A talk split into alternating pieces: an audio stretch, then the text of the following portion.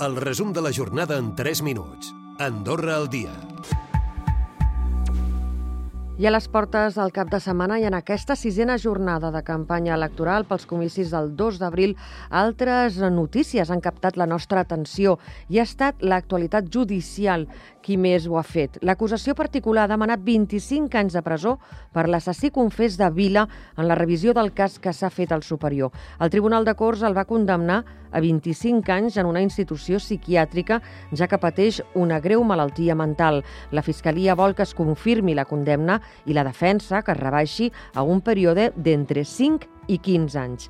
I més successos perquè la Junta de l'AMPA del Col·legi Sagrada Família ja ha recuperat 15.000 dels 47.000 euros sostrets per la tresorera de l'entitat que va ingressar dijous a presó. N'ha informat en una assemblea extraordinària a la resta de pares i ha afegit que emprendran les accions legals pertinents per arribar al fons de la qüestió i intentar recuperar, si pot ser, tota la quantitat sostreta. I un acord doncs, que ha sorprès a la comunitat doncs, sanitària del país, els professionals de la salut, el govern i el Col·legi de Psicòlegs, que han arribat a una entesa per entrar a la cartera de serveis després de mesos de negociacions.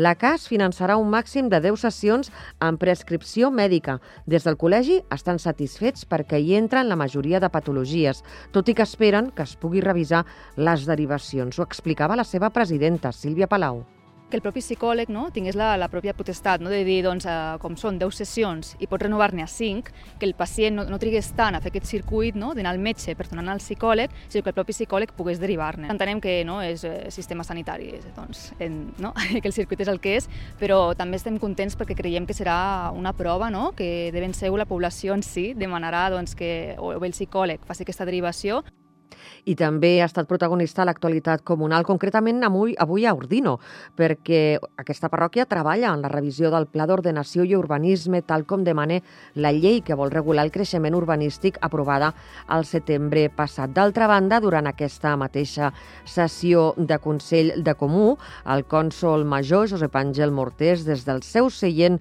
de màxim dignatari de la parròquia, ha explicat que ha fet referència a una compareixença doncs, i a unes declaracions d'Enric Dolça que retreia que el projecte de Grifols s'havia presentat al govern sense fer-ho abans a la Comissió d'Obres i Urbanisme del Comú. Això és el que ha dit Mortés.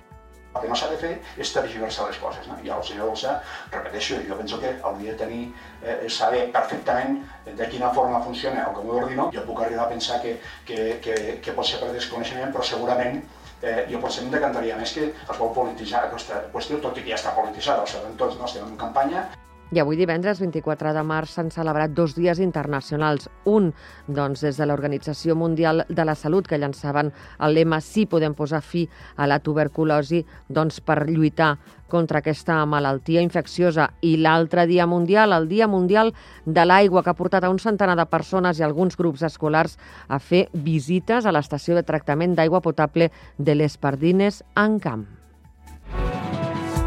Recupera el resum de la jornada cada dia a AndorraDifusió.d i a les plataformes de podcast.